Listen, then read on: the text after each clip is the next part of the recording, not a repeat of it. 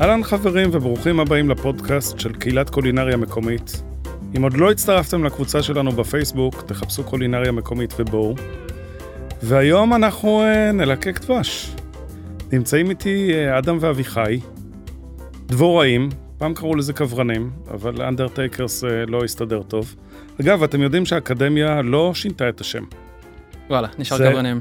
Uh, איגוד הדבש החליט שהוא משנה את השם וזה נכנס. ואחלה, אז אה, אדם ואביחי איתי, הם אה, דבוראים, הם חקלאים, דור ראשון של חקלאים, יש עדיין חקלאים חדשים לגמרי, זה עוד קורה. כן. זה עוד קורה. בני כמה אתם, אדם? 33. אני 32. כמו שאמרתי, צעירים. צעירים, צעירים. מה מביא אתכם לדבש? אדם, אה, ת- נתחיל איתך. אז אה, איך חיבור לדבורים, לדבש? האמת היא שגרתי באיזה חווה שעשיתי תואר ראשון במדעי הסביבה עשינו אותו ביחד אני ואביחי. והיה לו שם כמה כוורות. וממש התעניינתי פתאום הסתקרנתי עבדתי איתו קצת וזה הסתקרנתי אמרתי וואי אני הייתי רוצה לעסוק בזה.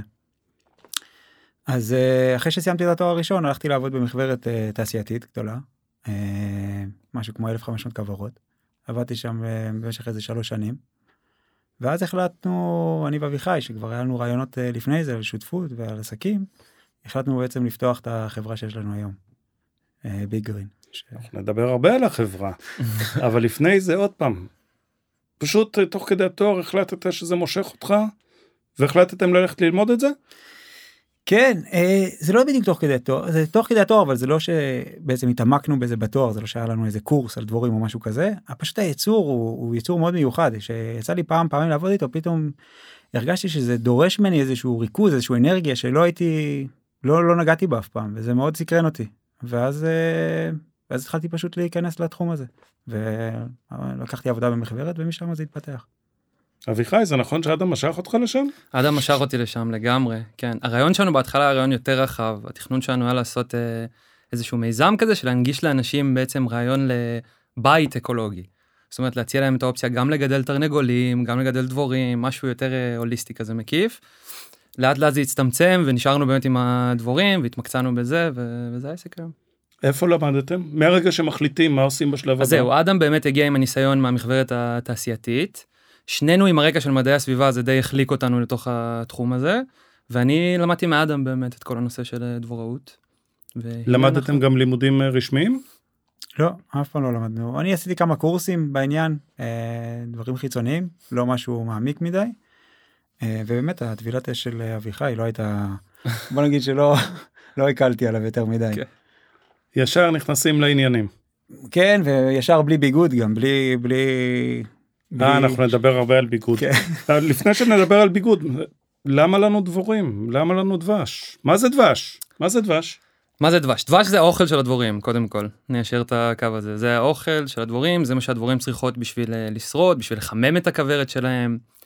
הדרך הנכונה להסתכל על דבש מבחינתנו זה קצת להסתכל על זה בתור איזשהו דלק שיאפשר להם אה, במהלך החורף לחמם את הכוורת שלהם. זאת אומרת הכוורת נשמרת בטמפרטורה קבועה לכל אורך השנה של 35 מעלות ועל ידי הדבש הדבורים מקבלות את האנרגיה שהן צריכות בשביל לחמם אותה. איך הדבורים מייצרות את הדבש? אז בעצם אה, דבורה שיוצאת אל מחוץ לכוורת, מבקרת בפרחים, מהחלק הנקבי של הפרח היא אוספת אה, נקטר, צוף. הצוף הזה עובר איזשהו תהליך אנזימטי שמתחיל בדבורה שאספה אותו, ובשביל שהתהליך יושלם במלואו היא צריכה להמשיך ולהעביר אותו הלאה אל האחיות שלה. בעצם 4-5 גלגולים של דבורים שכל אחת תכניס אנזימים מסוימים שירכזו את, ה, את הצוף. אה, בסוף התהליך הצוף הזה יוכנס באמת לתוך אחד מהתאים בכוורת, ייבשו אותו ממים, Uh, הסיבה שמייבשים אותו במים זה כדי שלא יתסוס בעצם בתוך הכוורת. ואחרי התהליך הזה הוא בצוף נחתם. עצמו יש כמה 80-90 אחוז מים? כן, זה, כזה? זה כמעט לגמרי מים, ובאמת התהליך האנזימטי לאט לאט הולך ומצמצם את כמות המים שם. כשבדבש לכמה זה מגיע? 15, 18, משהו כזה. וזה אחת הבדיקות שעושים כדי לדעת שדבש איכותי, נכון? גם, בין היתר, כן. בכללי אנחנו, אנחנו אף פעם לא נרדה דבש שיש בו אחוז מים גבוה, יש לנו את הדרך בעצם לזהות אם דבש הוא כבר מוכן או לא. הדבורים חותמות את הדבש שהן מרגישות שהוא מוכן, לכן אנחנו נרדה רק דבש חתום. אה, אם נרדה דבש לא חתום, יתחיל לתסוס אצלנו בצנצנות, במכלים, אז לא רצוי, פחות טוב. פחות טוב. אז הבנו מה, למה דבורים רוצות את הדבש, למה אדם רוצה את הדבש. למה אדם רוצה את הדבש? אני בתפיסה שלי דבש, אה, אם אנחנו מסתכלים רגע על התקופה של אה, ציידים לקטים, אה, בני אדם שהסתובבו ורוב המזון שלהם היה כל מיני צמחים ונבטים, או פתאום עץ שמוציא פירות וכולם חוגגים עליו. למצוא כוורת, למצוא דבש, זה היה... ג'קפוט, הפרס כן, הגדול. דבר קסום לגמרי, ואני חושב שזה עדיין אה, מהלך עלינו קסמים הדבר הזה, זה, זה עוד קורה. יש עוד סיבה, אדם חיפש את הסוכר, לא היו הרבה מקורות נכון, ל... לגמרי. לסוכר לגמרי. פעם, אבל אני מניח שכשהיו מוצאים פשוט היו תולשים את הכוורת ואוכלים אותה, נכון? כן. לא אז- ידעו בשלבים האלה לטפח את זה. לא, זה עוד לפני שבעצם אה, קברנות אה, מסודרת הגיעה אל העולם. זאת אומרת, ממש היה צריך להגיע לנחיל, לפרק את הנחיל, סוג של להרוס אותו בעצם בשביל אה, לרדות את הדבש. הדרך הזאת נשמרה לעוד המון שנים, גם כשהגענו כבר לדבוראות מוסדרת, קברנות מוסדרת, עדיין המשיכו לפרק נחילים בשביל הדבש. היום יש לנו את הכוורת שלנו, הלנגסטרוט, שבעצם מאפשרת לנו אה, עבודה טיפה יותר נכונה עם הדבורים, שלא תאלץ אותנו להרוס את הנחיל. אם נלך קצת להיסטוריה, כמה שנים אה, יש ממצאים שהאדם רודה דבש? אז זהו, באמת יש לנו ממצאים מרחוב, אה, מאזור בית שאן של מחברת אה, מאוד עתיקה, שהיו מפיקים בה גם רחוב. דבש. כן. היו מפיקים בה גם דבש וגם אה, דונג לייצור של אה, נרות לאור. אבל אה, פה אנחנו מדברים על מחברת שהיא בערך בת 3,000 שנה, נכון? משהו כזה. כזה. כן. אבל יש עדויות הרבה יותר קדומות לשימוש בדבש. נכון, יש עדויות עוד אפילו עוד אלפיים שנה לפני זה, בערך שלושת אלפים לפני הספירה, מאזור גיאורגיה, ממצרים, המצרים מאוד מאוד אהבו דבורים, כי זו הייתה חיה מקודשת שם. זה משהו שאיתנו כבר המון המון שנים, כן. ודבור... בוא נדבר טיפה על דבורה. מה שיש היום בארץ בגידול המסחרי זה דבורת הדבש האיטלקית, נכון? אה, נכון. יש המון דבורים. יש המון דבורים, כשאנחנו מדברים על, אה, על דבורים, אנחנו מדברים על בערך 20 אלף מינים שונים של דבורים. רובם מה שאנחנו נקרא להם דבורי בר, רובם דבורים יחידניות, לא חיות חיים אאו-סוציאליים כמו דבורת דבש, חיים קהילתיים. בתוך 20 אלף המינים האלה יש לנו את דבורת הדבש המערבית, שאחד מתתי המין שלה זה הדבורה האיטלקית שאותה אנחנו מגדלים. כמה תתים, תתי מינים כאלה יש באופן כללי כמה עשרות, שמשתמשים לדבש? כמה עשרות, יש את הדבורה האיברית, הדבורה הקפקזית, יש לנו, כן, לא מעט. הקווקזית זה אומר שהיא ארסית והיא עוקצת יותר? אה, יותר מותאמת סתם, לקור. אני צוחק, אני צוחק. לא, אבל זה נכון, יש את הדבורה הסורית. נכון. האנדמית של הארץ היא הדבורה הסורית בעצם. לפני משהו כמו 100 שנה הביאו את הדבורה האיטלקית לארץ, החלוצים של הקיבוצים. לפני זה הייתה הדבורה הסורית. הדבורה הסורית, מה שמייחד אותה, זה מין אנדמי לארץ באמת, מה שמייחד אותה זה בעצם שהיא יותר חסינה לבצורות, אה, למחלות מסוימות, ו... אבל הבעיה שלה זה שהיא הרבה יותר עצבנית, והיא עוקצת הרבה יותר, וגם היבול דבש שלה הרבה יותר נמוך מהדבורה האיטלקית. כמו המקומיים, כמונו קצת. כן. והיא נכחדה מפה בגלל בחירה של להביא את הדבורה האיטלקית, או כי היו מחלות או דברים אחרים ש... לא, לא, היא נכחדה מ- מהבני אדם, זאת אומרת, הם לאט לאט אה, העיפו אותה. עדיין אפשר למצוא אותה לפעמים בארץ. דבורים אה, מין שקודם לאדם בהרבה שנים. כן. משהו. אבולוציונית כן לגמרי ואבולוציונית אני מבין שמדברים על בערך 100 מיליון שנה שמצאו... אה, כן של איזה דבורים? בכללי אנחנו מדברים על איזשהו אב קדמון משותף של דבורים נמלים וצרעות שיצא מצירעה באמת התפצל בהמשך הזמן גם לנמלים ודבורים אבל כן אנחנו מדברים על משהו מאוד מאוד עתיק בטח במונחים אה, אנושיים. בעצם בכל התרבויות בעולם, אם ניקח את האינקה, ואם ניקח את המצרים, ואם ניקח את היוונים ואת הרומאים, ו, ובעצם כולם קידשו את הדבש בתור אה, משהו שהוא אה, מעל הכל, שהוא אוכל של האלים, שהוא, אה, נתנו לו כל מיני תכונות. כן, לגמרי. יודעים להסביר למה? תשמע שוב כמו שדיברנו על זה קצת זה חומר מאוד מאוד מיוחד בטח שאנחנו מדברים על תקופה שעוד לא היה פסק זמן וכיף כיף זה זה הדרך לצרוך סוכר בצורה מאוד מאוד מרוכזת. עוד יותר מזה דבש הוא לא החומר היחיד שמופק בכוורת שיש לו תועלת אנושית. בני אדם שראו כמה דברים שונים הדבורה מסוגלת אה, לייצר שאנחנו נוכל להשתמש בזה בעצם נמשכו ליצור הזה באופן מאוד אה, טבעי. אני יודע שבפירמידות אה, מצאו אה, דבש עתיק, בני, בין 1600 לפני הספירה, אם אני לא טועה, שהיה תקין לחלוטין לאכול. כן שממש ארכיאולוגים טעמו אותו אפילו. זה אומר שדבש דבש לא מתקלקל? דבש לא מתקלקל בעצם הדבר היחיד שיכול לקלקל דבש וזה נכון גם לאיך אנחנו שומרים אותו בבית שלנו זה קצת מה שהזכרנו קודם העניין של אה, מים. מים בתוך הדבש מייצר לנו איזשהו תהליך. של תסיסה בדיוק הופך לאלכוהול. טוענים שזה גם החומר הסטרילי היחיד בטבע. וואלה מעניין לא חשוב כן. כן יש לנו גם את הפרופוליס שהוא גם תכלס הייתי אומר חומר נגיע, נגיע כן. לעוד חומרים מהכוורת, אבל uh, מדברים על זה, אני uh, גיק של uh, היסטוריה, ואבא שלי היה מורה להיסטוריה, זה דברים שתמיד מאוד עניינו אותי. אבל uh, אמרו שליד המומיות שמו uh, דבש, כי זה האוכל הראשון שכשהם יחזרו לחיים הם צריכים, זה האוכל הכי מקודש והכי מדהים. יקר והכי uh, uh, יוקרתי. אבל uh, מעבר לזה, יש שימוש בדבש uh, הרבה יותר מאשר uh, רק למאכל. דיברנו על האינקה קודם, האינקה השתמשו ב, בדבש כדי לייצר תרופות, גם המצרים, המצרים הקדמונים גם השתמשו בדבש לתרופות. לגמרי ולא רק לצריכה פנימית זאת אומרת לא רק לאכול אותו. אה, עיקר התכונות הרפואיות של הדבש זה לשימוש חיצוני לסגירה של פצעים באמת דרך השימוש אה, בגלל התכונה האנטי-בקטריאלית שלו הוא מאוד מאוד טוב לסגירה של פצעים למניעת זיהומים יש תחום שלם בסביב ריפוי דבורים, כן לגמרי לגמרי אפיתרפיה מה שנקרא. אפיתרפיה, כן, שזה בעיקר עקיצות, נכון? בעיקר הקיצות כן. כן, אה, בעצם זה מבוסס על אותו רעיון קצת כמו דיקור סיני. זאת אומרת, אוקיי. זה על אותו נקודות שהדיקור סיני עובד בו. אה, ובעצם במקום אה, מחט, אז שמים עוקץ של דבורה. אה, הרעיון זה כאילו שתחשוב שיש לך מחט שכל הזמן מקרין לשם אנרגיה. פשוט יש לך שם איזשהו מחט שבעצם כל הזמן דורש מהגוף לה- להשקיע לשם אנרגיה. וזה פשוט גורם לאפקט הרבה יותר חזק. יש גם עניין של ההרס או רק עניין של העקיצה עצמה? כן, כן, ההרס, ההרס עצמו גורם ל, ל, לגוף להש, להזרים לשם אנרגיה. זאת אומרת, הגוף צריך להתמודד עכשיו עם ההרס הזה, וזה בהכרח במקום מסוים שבו אנחנו בוחרים לשים את זה, לפי הדיקור הסיני. ואז בעצם אה, הגוף, בעצם אנחנו עובדים על הגוף במרכאות, אה, להזרים לשם הרבה אנרגיה. באיזה צורה מטפלים? במה מנסים לטפל בצורה, בשיטה הזו? תשמע, אני יודע שיש מבחינה רפואית אה, מחקרים וזה, אני יודע שזה עוזר הרבה לדלקות, לדלקות פרקים, אבל מבחינת רפואה סינית אה, נטו זה יכול לעזור לכל דבר. זאת אומרת, כמו שרפואה סינית, כמו דיקור, יכול לעזור למחלות מעיים, כל מיני מחלות כרוניות כאלה ואחרות, אז בעצם משתמשים בזה על אותו... שמעתי שאפילו סרטנים, אה, יש כל מיני מחקרים על זה שזה עוזר. לא לוקח על זה אחריות, אבל אה, אם מישהו צריך שיעשה שיעורי בית. יש. עוד, אה, עוד משהו על זה, אה, בקשר הזה. יש עכשיו בגרמניה, החליטו בעצם לנסות לנשום את האוויר של הכוורת. בעצם הדבורים הם כל הזמן מייצרות את ההרס הזה, ומפזרות אותו גם בכוורת, הוא פשוט יוצא כל הזמן.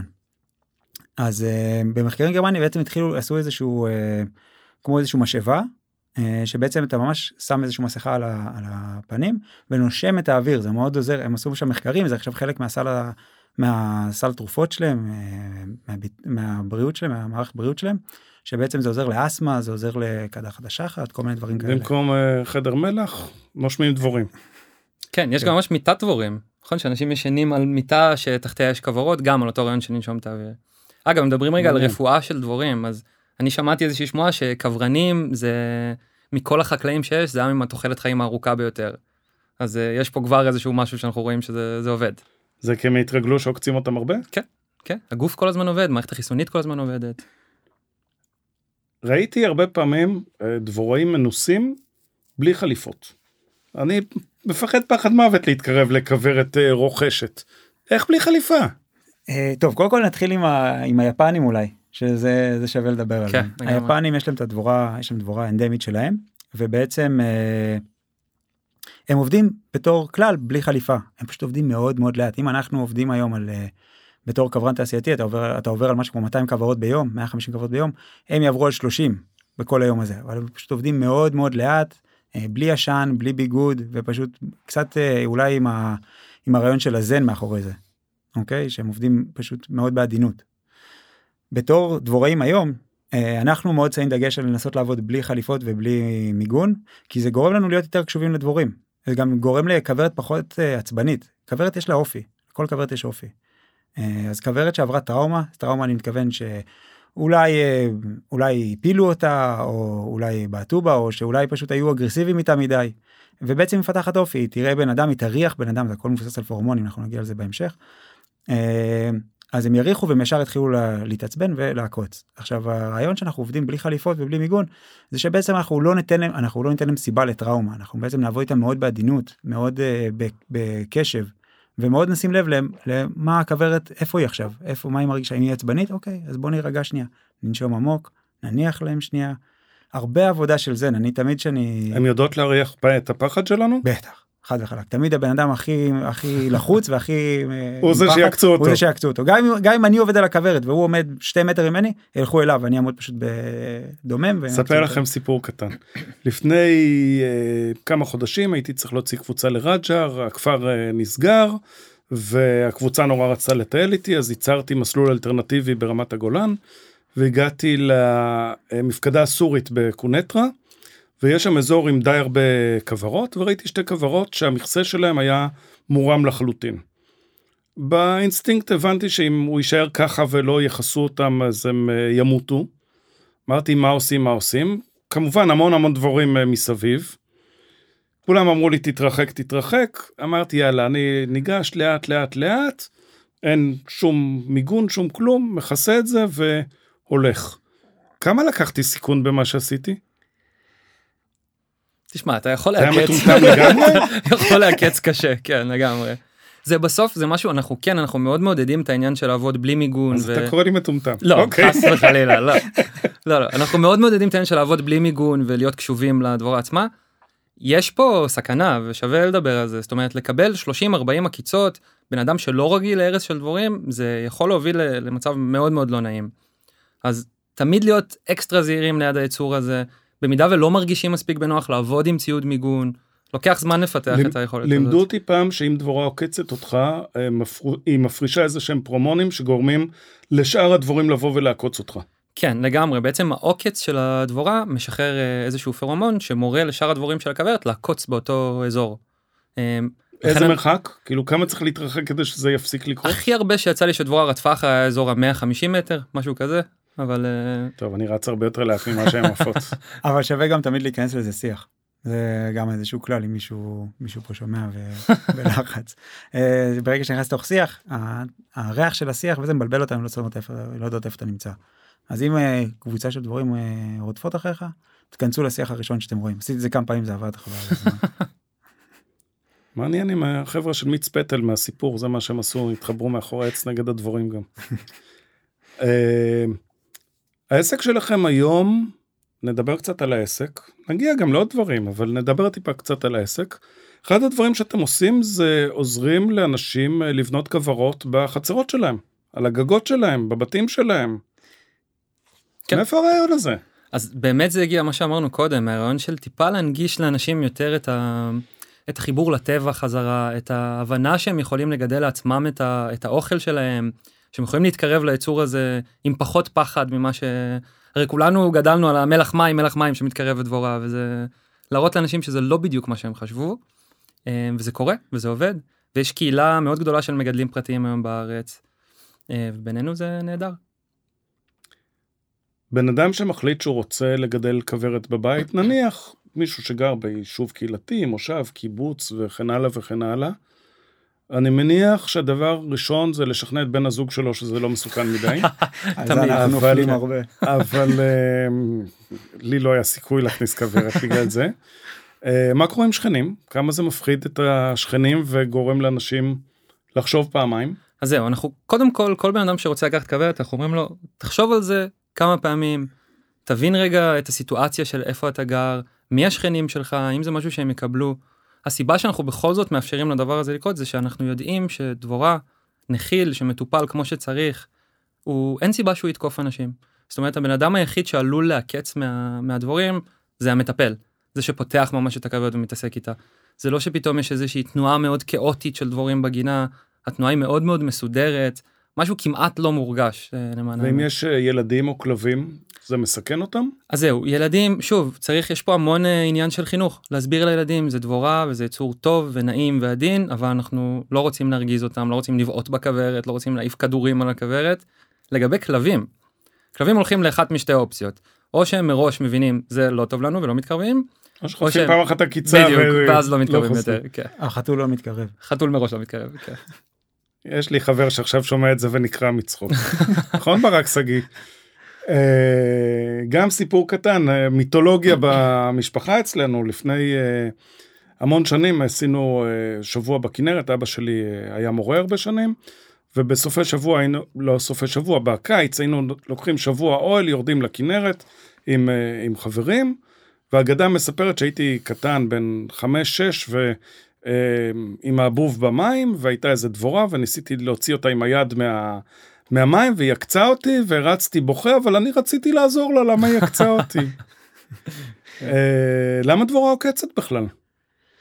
מלחץ מפחד. זאת אומרת זה איזשהו אינסטינקט הישרדותי אצלה.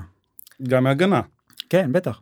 בטח. אני, אה. אני אוסיף על זה באמת איזה משהו דבורה בדרך כלל כשהיא תעקוץ אותנו אה, אם היא תחליט שהיא עוקצת זה בקרבה לכוורת. זאת אומרת הרעיון הוא לשמור על הכוורת ועוקץ זה כמוצא אחרון זה הדרך שלה להרחיק בעצם מישהו שעלול להזיק לכוורת. כשאנחנו נעקצים במרחק גדול מהכוורת זאת אומרת על ידי דבורים אה, שאוספות צוף או אוספות מים לרוב זה יהיה כי בטעות הנחנו עליהם יד. נתקלנו להם בדרך. בדיוק מעכנו אותם עשינו משהו כזה בדרך כלל העקיצה תגיע משם. כשדבורה עוקצת אה, דבורה אחרת או חרק אחר לא קורה לה שום דבר. כשהיא עוקצת אה, יונק היא מתה מזה. נכון. נכון?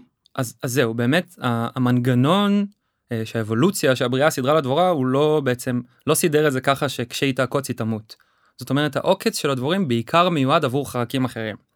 לחרקים יש משהו שלנו אין איזושהי שכבה חיצונית שנקראת קוטיקולה איזושהי שכבה קשיחה בעצם העור שלהם אפשר להגיד וכשהעוקץ של הדבורה נכנס אל הקוטיקולות הוא גם יכול לצאת כמו שהוא נכנס. כשהיא עוקצת יונק עם עור יותר אלסטי בעצם העוקץ לא מצליח לצאת החוצה וכשהיא מנסה לעוף ולברוח המעיים של הדבורה נתלשים ו... וככה היא מתה. הסבירה לי פעם נוגה ראובן לפני uh, כמה שנים שאחת הסיבות זה כדי למנוע זיהום בכוורת. שהסיכוי שיונק יהיה חולה ודבורה תיכנס לכוורת ותפגע בה ותזהם אותה, uh, בגלל זה האבולוציה בראה אותה בצורה שהיא תמות. מעניין. לא יודע אם זה נכון או זה... לא, אבל זה הסיפור ש... ממש מעניין. ששמעתי ואני אוהב לשמוע סיפורים ו... כן. ונוגה יודעת מה היא אומרת, כן, כנראה. לחבר את הדברים. בואו נחזור אה, רגע לנושא של, אה, של כוורות. מישהו החליט שהוא רוצה כוורת, הרים לכם טלפון, או הסתכל באתר שלכם, איך נקרא האתר אגב? biggreenhives.com ביג גרין הייבס, תחפשו בגוגל, אני גם אשים קישור למטה בפודקאסט. אה, עבר את המסננת, אמר אוקיי, רוצה אני. מה השלב הבא? השלב הבא זה באמת אה, לקרוא לנו, אנחנו קובעים איתו יום, מגיעים אה, עם הכוורת, עם כל הציוד שהוא צריך בשביל לגדל את הדבורים כמו שצריך, אה, וקודם כל אנחנו מעבירים אותו איזושהי הדרכה ראשונית. גם קצת על מה זה בכלל דבורים והבסיס של כל הרעיון הזה שנקרא דבוראות, ובעיקר בעיקר על הגישה הנכונה לפתוח כוורת. זאת אומרת איך אנחנו מייצרים נחיל שלאורך זמן יהיה נחיל רגוע, שיהיה מותאם לסביבה אורבנית. אה, כל הדברים שצריך באמת בשביל להתחיל לגשת לכוורת. איך אדם יודע שהסביבה שהוא נמצא בה יש מספיק אוכל לדבורים והוא יכול בכלל לגדל כוורת? האמת שבמקומות אורבניים יש הרבה יותר אוכל לדבורים בגלל כל הגינות נוי, בגלל עצי נוי שהעירייה שותלת, אה, דברים כאלה. דווקא בטבע הרבה פעמים יותר קשה לדבורים, אה, בעצם המרעה שלהם הרבה יותר עונתי. זאת אומרת עכשיו, בדיוק עכשיו נגמר העונה של, ה, של הפריחה בגולן, ועכשיו אין כלום, שום דבר, אין שם פרח אחד של צוף. לעומת זאת, בכל המקומות האורבניים יש כל הזמן תחלופה בגלל כל הפרחים ובגלל כל העצים האלה שבעצם שותלים. אז אנחנו לא חוששים יותר מדי שאנחנו עושים את זה במקומות אורבניים, אנחנו יודעים מתוך ניסיון שיש להם פשוט שפע של, של צוף, שפע של דבש, הם רודים לפעמים בחורף בגלל שיש להם כמויות כאלה גדולות. אתם מכירים את הפרויקט במזרח ירושלים של אנשים אה, שמגדלות על הגגות? בטח. כן, כן. פרויקט של יוסי יהוד. כן. של עמותת מוסיללה. כן. פגשתי את החבר'ה, לא הייתי עדיין, לא פגשתי את האנשים וסופר מעניין אותי, אבל הם מדברים שם על, על תהליך שנוצר של, של שינוי אצל האנשים האלה, מעבר ליצירת פרנסה, גם על השפעה פסיכולוגית מאוד גדולה ועל יצירת תועלות שהם הרבה מעבר ל, לייצר דבש. לגמרי, לגמרי. גידול כוורת מביא לתפיסתי המון תחושה של מסוגלות. משהו בהתמודדות עם הדבר הזה והפירות שאתה באמת קוצר בסוף התהליך יש שם דבר מאוד מאוד מעצים. כלומר מי שעושה את זה בדרך כלל עושה את זה לא כי הוא רוצה להרוויח מזה כסף. לרוב. עושה את זה כן, כי... לגמרי. אני מדבר על אנשים פרטיים. כן. נדבר גם על, על דבוראות מסחרית תכף. כן. אני אוסיף על זה עוד משהו אנחנו רואים אצל לקוחות שלנו שאנשים שבעצם רוצים את זה בשביל הדבש ובשביל בעצם איזשהו עסק הרבה פעמים הם מפתחים כוורות מאוד עצבניות. אל תשאל אותי למה אבל זה קורה פשוט יש משהו לנו ב vibe. משהו ב vibe ממש ככה אתה ממש מרגישים פתאום אנחנו מגיעים זה כוורת עצבנית כי כל מה שהבן אדם רוצה הוא כל הזמן רוצה ממנה משהו הוא לא דואג אנחנו תמיד אה, בגישה שלנו לקוחות גם אנחנו מנסים להטמיע את זה זה לשגשג ביחד איתם בעצם אנחנו נרוויח את הדבש אבל אנחנו בעצם ניתן להם את כל התנאים האופטימליים ש... שבעצם שהם ישגשגו ואנחנו על, על הדרך מרוויחים ביחד כל הזמן. זה מה שמנחה אותנו. אחרי שעברו קורס, קונים איזושהי כוורת, שמים אותה עם מה? קונים מלכה עם פועלות, קונים, מה, מה, מה מקבלים? איך מתחילים בכלל? אנחנו ממש מביאים את הכל, זאת אומרת אנחנו מביאים חבילה שלמה שכוללת... אה, איך, איך מתחילים כוורת חדשה? זה לא משנה כרגע אם זה אה. בפרטי או, ב, או במסחרי. אז, איך מתחילה כוורת? אז אין יש מאין, צריך שיהיה בעצם אה, כוורת אחת, שבעצם ממנה אפשר לייצר עוד כוורות. בעצם הרעיון, הכוורת מבחינה, מבחינה טבעית, איך שהיא עושה את זה, בעצם היא רוצה, כוורת, אנחנו מסתכלים על כוורת בתור יחידה אחת, זה סופר אורגניזם.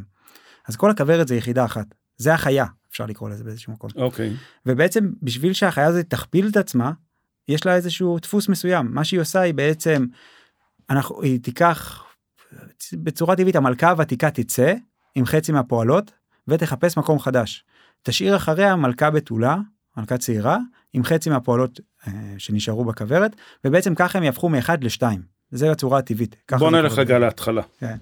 כוורת מתחילה מזה שיש מלכה, נכון? איך נוצרת מלכה?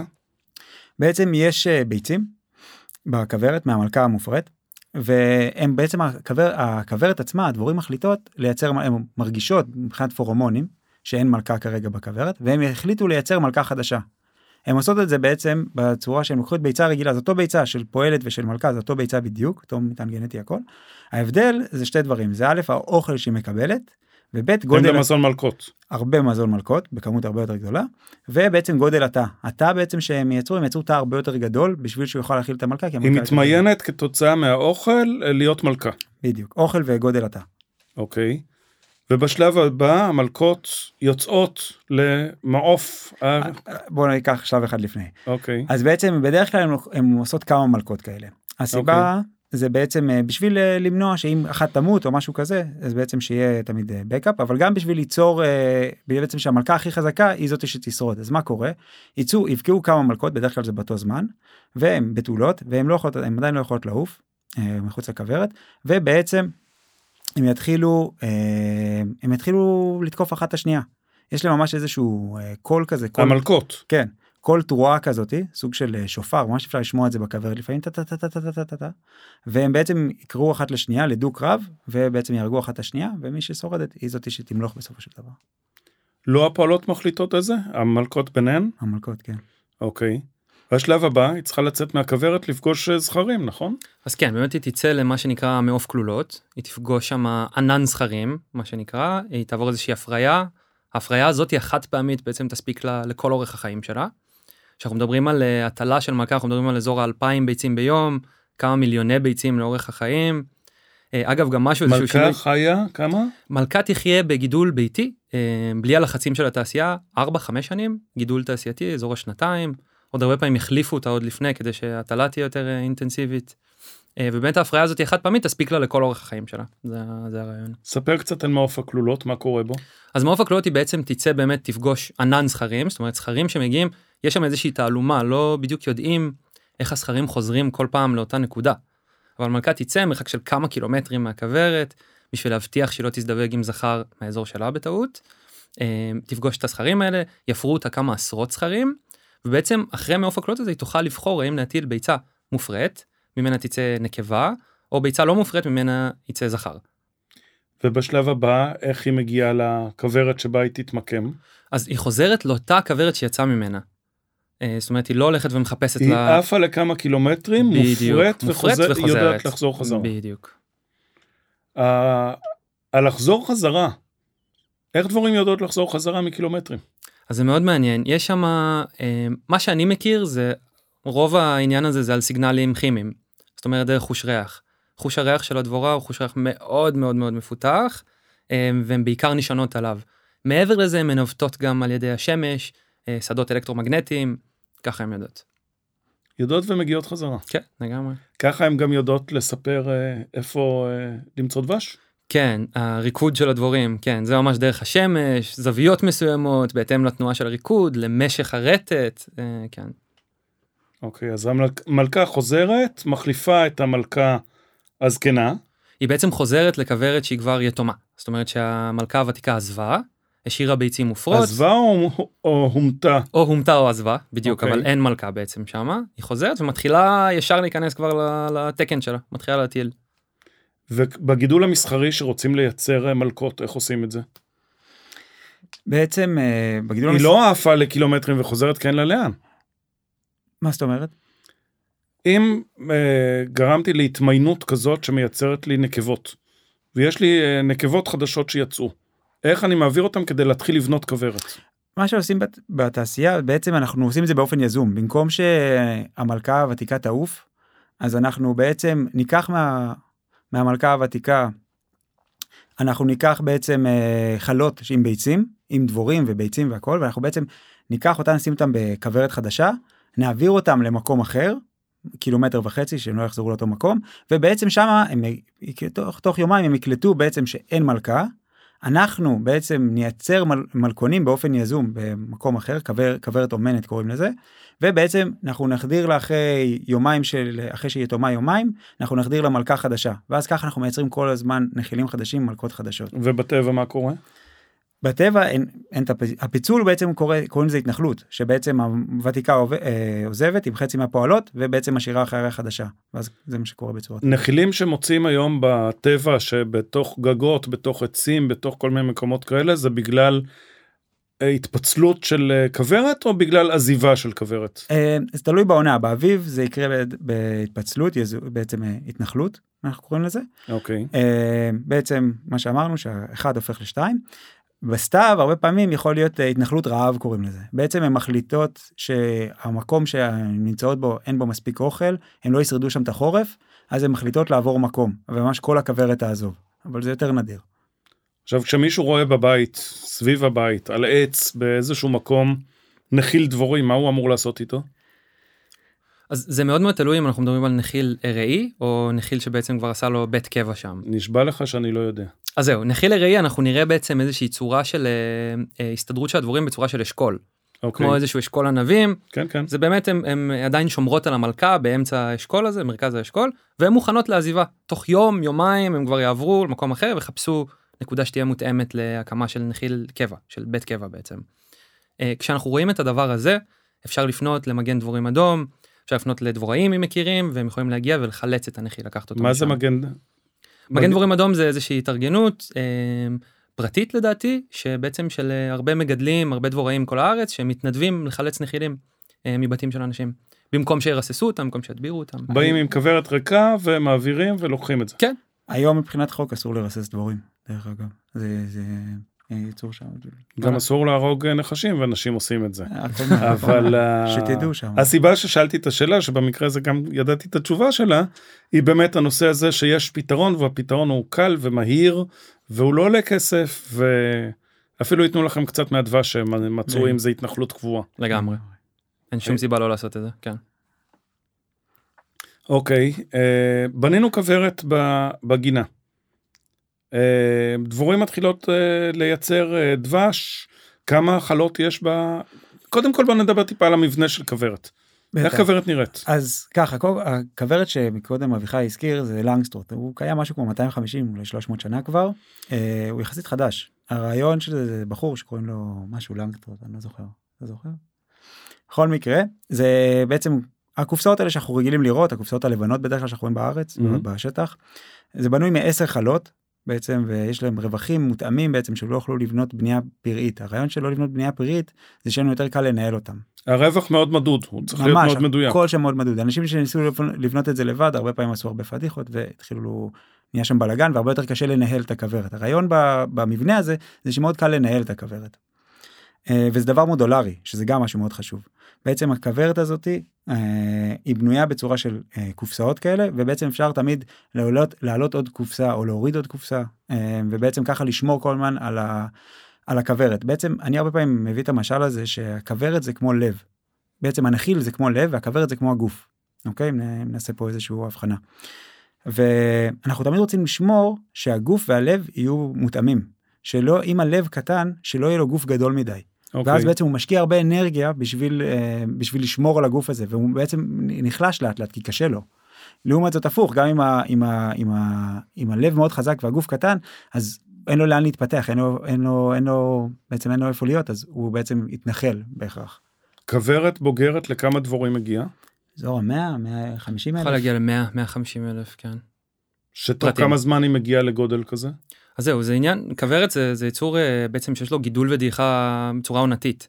זאת אוקיי. אומרת, אה, באביב תתחיל איזושהי גדילה של הכוורת, שיכולה להגיע ממצב של אה, חמש חלות מאוכלסות, אזור ה-10,000 דבורים, 15,000 דבורים, עד באמת סוף הקיץ לכוורת של 100,000 דבורים, 80,000 דבורים. ואז בחורף היא תדעך והכמות בדיוק, תקטן? בחורף תהיה עוד דעיכה. ו- כמה זמן חיה דבורה? דבורת דבש? דבורה חיה אה, בין שלושה לשישה שבועות בקיץ. בחורף תוחלת החיים שלה ארוכה יותר, בין שלושה לשישה חודשים. אה, בעצם בקיץ היא עובדת מאוד מאוד קשה. יש שם עייפות חומר. מהירה יותר. כן, לגמרי. יש לה כמו קילומטראז' כזה, אנחנו אומרים. 800 קילומטר, אז, אז בחורף בעצם הקילומטראז' הזה הבנתי, לוקח לו יותר זמן. אוקיי. עכשיו בכוורת עצמה, אה, מעבר ל... לשים אותה בשטח, מה היא עוד צריכה? היא צריכה מים, נכון? דבורים שותות. כן. בגלל זה תמיד כשאתם מגיעים לנחלים וכאלה תמיד רואים המון דבורים, כן, אנחנו... לא מפחיד. לא, ממש לא צריך לפחד מהם. עוד פעם, קווי, דבורים שהם מחו... שהם עכשיו לא גם הסברתם. לי שהם גם לא יעקצו אותי כי אני רחוק מה... בדיוק. מהכוורת, זה- שזה לא ידעתי. כן, זה יצור מאוד טר- טריטוריאלי, אז בעצם אם אתה ליד הכוורת אז הם, הם יכולות להתעצבן, אבל מחוץ לכוורת אתה לא ממש מעניין אותם, מים וצוף זה מה שמעניין אותם. אה, יש את הקטע הזה של הלקוחות שלנו, שאנחנו אומרים שהם חייבים לשים אה, איזשהו כלי מים, והוא באמת... בעצם, לא רק לכלבים ולחתולים. בדיוק, וגם אה, קצת צמחי מים עוזר להם, בעצם הם צריכים לשבת על משהו, הם לא יכולות, אה, אם סתם שמים להם גיגית מים, הם פשוט יטבעו בפנים, אז זה לא, זה לא משרת את המטרה. אה, ואם לא שמים, אז תמיד אני אומר, אז ת, תצפו שהשכן שלכם פתאום יתחיל לכעוס, למה יש לו כל כך הרבה דבורים בבריכה. אוקיי. הם יבואו לבריכה עם כלור ועם כאלה? כן, הם יבואו. לא כן, תהיה להם בעיה עם זה? יגיעו. אוקיי. שוב, אפשר לפתור את זה מאוד בקלות, פשוט גיגית קטנה עם מים. אה, אם מדברים על מים ועל דבורים, אה, יש בעיה שאני מכיר אה, לא פשוטה של האכלה במי סוכר. כן, לגמרי. בוא, בוא נדבר טיפה, נצא קצת מהפרטי למסחרי. כמה דבורים יש היום בארץ? סדר גודל? כמה מאות, נכון? כמה מאות, לדעתי אזור ה-60 אלף כוורות אם אני לא טועה, כן. בארץ היום 60 אלף כוורות. כן. אוקיי. כשהמטרה של הכוורת היא שניים, היא פעם אחת אה, לייצר דבש, אבל פעם שנייה שכלכלית אני, אה, לפי מה שאני מבין, יותר משמעותית זה לעשות האבקה. הרבה יותר כן. משמעותי, כן, מבחינת... אה, בוא נדבר קצת על חיים של, יש לכם גם כוורות שלכם ב... לייצור של דבש או רק הדרכה לאנשים אחרים? יש לנו כוורות פחות לייצור של דבש, יותר לייצור נחילים. אוקיי. אה, כי זה רוב העסק שלנו בעצם, אנחנו מוכרים נחילים לאנשים פרטיים. אה, אבל יש לנו כוורות בגליל ובגולן, שאנחנו מטפלים בהם. אוקיי. אז בוא נדבר רגע, קודם כל על התפקיד של הדבורה כמאביקה. למה צריך דבורים בתור אה, מאביקות? אז קודם כל יש המון מינים של אה, צמחים שנשענים לחלוטין על האבקה של דבורת דבש, בעצם זה המנגנון הפצה שלהם. הסיבה שפרחים כל כך יפים ונוצצים ומושכים זה בדיוק בשביל זה, למשוך מאביקים. לכן קודם כל יש צמחים שחייבים את זה. אבל יש סיבה- המון מאביקים, לא רק דבורים. נכון, יש, אה, יש צמחים שהם חייבים האבקה ספציפית של דבורת הדבש. יותר מזה, אנחנו היום, כשאנחנו מדברים על האבקה, אנחנו מאביקים עבור בעצם עולם שיש בו המון אנשים, אנחנו צריכים הרבה אוכל. הדרך הכי יעילה לעשות את זה זה על ידי המון דבורים שיאביקו. אנחנו לא נחכה לחיפושית שתאביק, או לדבורת הבר הספציפית שתאביק צמח מסוים. אתה אומר, אם יש לך אה, שטח חקלאי, אתה צריך משהו הרבה יותר אינטנסיבי. לגמרי, כן. ואז בעצם אה, היום הדבוראים מקבלים קריאה מ, אה, מהחקלאי, בוא ותביא לי איקס כוורות, או איך זה עובד, ל- בדיוק, חישוב של... לכרם, למקשת אבטיחים. ממש ככה, בדיוק. חישוב של דונמים לכוורת, כמה כוורות צריך כל חקלאי. אמ, זה באמת שירות שנעשה בתשלום. זאת אומרת, כמו שאמרת קודם, עיקר הכלכלה של הדבוראות בארץ נשענת על האבקה, פחות על דבש. יש הבדל לאיזה סוג גידול זה? מבחינת התשלום? כן, יש הבדל. כן. יש הבדל. אה, יש בעצם גידולים שהם פחות מושכים את הכוורנים עצמם, אז הם בדרך כלל החקלאים ישלמו יותר כסף. אבטיחים, מלונים, בצל, כותנה, שזה כן, גם דבש עם הרבה נוזלים, נכון? עם הרבה כן. מים? כן, וזה גם, זה סיטואציות מאוד קשות. מעצבן אותי לפעמים. שאני רואה שאנשים מוכרים דבש כותנה ש... דבש... לא איכותי, זה סיפור יפה, אבל זה לא נכון. זה. לא זה. אבל הוא נוסטלגי קצת. אה, אני בעד מיתוג, אבל עם היגיון, לחשוב שכולנו מטומטמים זה קצת לא יפה. אה, סדר גודל, מה המחירים, כאילו איך זה עובד? אה, אזור ה-300 שקל לכוורת, לשלושה שבועות, משהו. כזה. אוקיי. פר כוורת, כן. ואפשר לעשות כמה האבקות, זאת אומרת עכשיו, חקלאי מתחיל עם השקדים, בעצם בסוף פברואר, ואז עובר, ל- יש לו דובדבנים, ואז יש לו תפוחים, ומלונים. החקלאי בעצם צריך כל פעם להעביר את הכוורות לאיפה שיש פריחה ואיפה שמשלמים לו. הכוורן, כן, הכוורנים. הדבוראי, כן, כן. כן, כן. ולקוות שבדרך לא יפגעו לו בכוורות.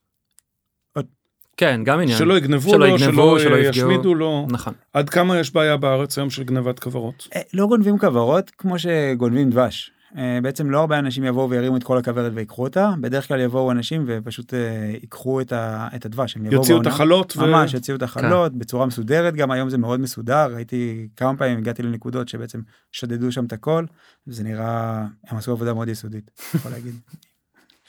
פעם דיברו על זה שכן גונבים כוורות, למה הפסיקו? כי יש GPSים? כי יש מה? יש, כ- יש כמה מנגנונים כאלה של GPS, שמו, התחילו לעשות את זה. נכון. כן. אמ, זה לא בצורה, אנחנו לא רואים את זה בכל הכוורות. אמ, אני לא יודע למה הפסיקו. אני חושב שפשוט יותר קל להם אה, לקחת רק את החלות. בקליפורניה במטה שקדים היה סיפור של גנבות המוניות מטורפות של שטחים עצומים שפשוט נעלמו הכוורות. וואו.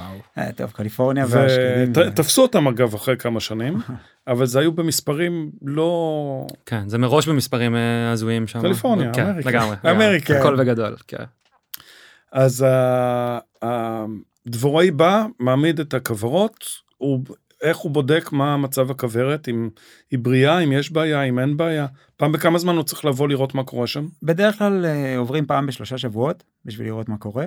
אה, תלוי איזה עונה זאת, אם, אם זה שקדים אז נבוא קצת יותר, כי בעצם אה, הם עוד רק... שלב מוקדם שהכוורת בבנייה. בדיוק, בדיוק. אה, היום יש אבל את, אה, יש את כל הרעיון של אה, כוורות חכמות. אם שמעתם על Beewise, שהם בעצם עושים... חוות כוורות כזאת. כן, קונטיינר. trailer שבא ושמים בשטח. בדיוק, עם זרוע רובוטית והכל שם מדוד וטמפרטורות וזה וזה וזה, זה עדיין לא הוכיח את עצמו עד הסוף, עדיין בניסויים ובדיקות. הרבה פודטק אה, סביב דבורים בארץ וסביב כן, דבש, נגיע המון, לזה, המון. נגיע כן. לזה גם. כן. אז שמו בשטח, חוץ מבני אדם, איזה עוד מזיקים יכולים לפגוע בכוורת בשטח? אה, יונקים יש את הגיריות דבש, שאנחנו מכירים, אין הרבה מהם, אבל הם יכולים להגיע, אני ראיתי בגולן הרבה פעמים עק- עקבות שלהם, ושניסו להפוך כוורות ודברים כאלה. ומצליחות? כן, מצליחות, כן, אוקיי. יש להם הצלחה. כן. אה, זה אני מניח, אבל לא מספרים שהם פוגעים משמעותית בחקלאים. לא, לא, לא משמעותי. לא. בעיקר יש את המזיקים שלהם, שאפשר אולי לגעת בהם. זהו, בעיקר כשמדברים על מזיקים של דבורים, אז אה, אנחנו מדברים על מזיק אחד ספציפי, שהוא המזיק המרכזי בדבוראות, מה שנקרא הוורוע, הכרית הוורוע. אה, שבעצם זה, יש שם סיפור שלם אה, סביבו, זה בעצם איזושהי הכרית, אה, שחיה בסוג של סימביוזה טפילית. זה סוג עם- של אה, כנימה מאוד קטנה. אה, כן, הכרית קט- קטנטנה, חצי מילימטר. לא כולם יודעים מה זה כרית. כן, כן, כן, כן, כן. אה, שהיא בעצם חיה, שוב, היא חיה בשלום יחסי עם הדבורה האסייתית, דבורה מזרחית. אה, בשנות ה-60 דבוראים עשו טעות, הפגישו בין הדבורה האסייתית לדבורה המערבית, הוורוע דילג אל הדבורה המערבית, ולדבורה המערבית חסרים כמה מאפיינים שיש לאסייתית, והיא לא יודעת להתמודד עם המזיק הזה. והוא בעצם התחיל להתבסס בכוורות מסביב לכל העולם. כשאנחנו מדברים עליו היום, אנחנו מדברים על זה שאין כוורת כרגע בכדור הארץ שלא נגועה במזיק הזה, בוורוע.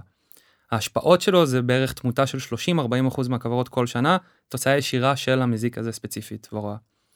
אה, ובאמת הטיפולים אליו הם טיפולים מאוד מאוד אגרסיביים אה, רוב הפעמים. אה, מה זה טיפול המזיק העיקרי. אגרסיבי? סוג של אנטיביוטיקה. טיפול אגרסיבי זה שימוש בכל מיני חומרים כימיים מאוד מאוד חריפים, שהדרך הכי נכונה מבחינתי להמחיש מה זה, זה קצת כמו כימותרפיה. לא עלינו, זה בעצם סוג של הפגזה של כל הגוף עם המזיק, אה, כדי לפגוע במזיק, אנחנו פוגעים גם בדבורים, ובהיבט האנושי, אה, אנחנו פשוט אה, נשארים עם החומר הזה גם בדבש שלנו, הרבה פעמים. זאת אומרת, מדינת ישראל קבעה איזשהו תקן, איזשהו סטנדרט, לעד כמה החומר הזה יכול להופיע בדבש, הרבה פעמים חורגים מהסטנדרט הזה, עוד מראש הוא נקבע באיזשהו רף מאוד מאוד גבוה. אה, אז כן, חומר מזיק מאוד. איך מכניסים את החומר הזה לדבורים?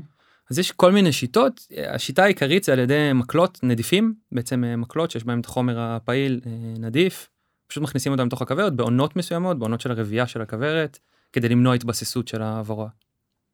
עוד אויב שאני מכיר כי פשוט ראיתי בעיניים צרעות מזרחיות, דבורים מה שקוראים. כן, לגמרי, דבורים. הם בעצם טורף טבעי של הדבורים, זה האוכל שלהם. הם מסוגלים להשמיד כוורת? לגמרי. כוורת חלשה, אה, דבורים יקראו אחד לשני, יגידו יש פה בופה קליל, ופשוט ייכנסו לתוך הכוורת וישמידו אותה. איך אה, מתמודדים עם זה? אז זהו, אנחנו באמת, יש לנו את הפריבילגיה שאנחנו מגדלים רק כוורת אחת בבית, אנחנו פשוט מנחים את הלקוחות שלנו, תשמרו על הכוורת שלכם חזקה, גוף בריא יודע להתמודד לבד עם מזיקים, וזה אכן קורה. אה, באזורים שיש בהם באמת מכה רצינית של צרעות, כבר צריכים להתחיל להשתמש אולי במלכודות או כל מיני דברים כאלה, אבל ראיתי מין ניסיון אה, לשים איזשהו פס אה, שהוא בגובה של דבורה וצירה מזרחית היא יותר נכון. גדולה ואז היא לא, לא יכולה להיכנס, היא יכולה לפגוע בדיוק. בדבורים בחוץ אבל לא להיכנס פנימה. נכון, זה מה שנקרא מחסום צרעות. בעצם היתרון של זה זה שהצרעות לעולם לא יוכלו להיכנס לתוך הכוורת ולהשמיד אותה. מצד שני, אם יש התקפה מאוד חריפה של צרעות על הכוורת, אנחנו יוצרים בעצם סוג של אה, מצור על הכוורת. אמנם הצרעות לא יוכלו להיכנס, אבל גם הדבורים שלנו לא יוכלו לצאת החוצה.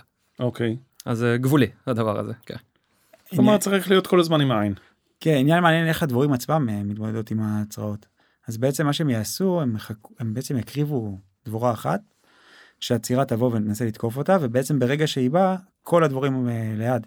אה, בעצם יעטפו אותה. יעטפו את, ה, את הצירה, ופשוט יחממו אותה למוות. יחממו אותה למוות. כן. יחד עם עקיצות, אבל זה בעיקר החימום מה שהורג אותה. אם אנחנו מדברים על חום, חום אימים עכשיו בחוץ, 40 מעלות.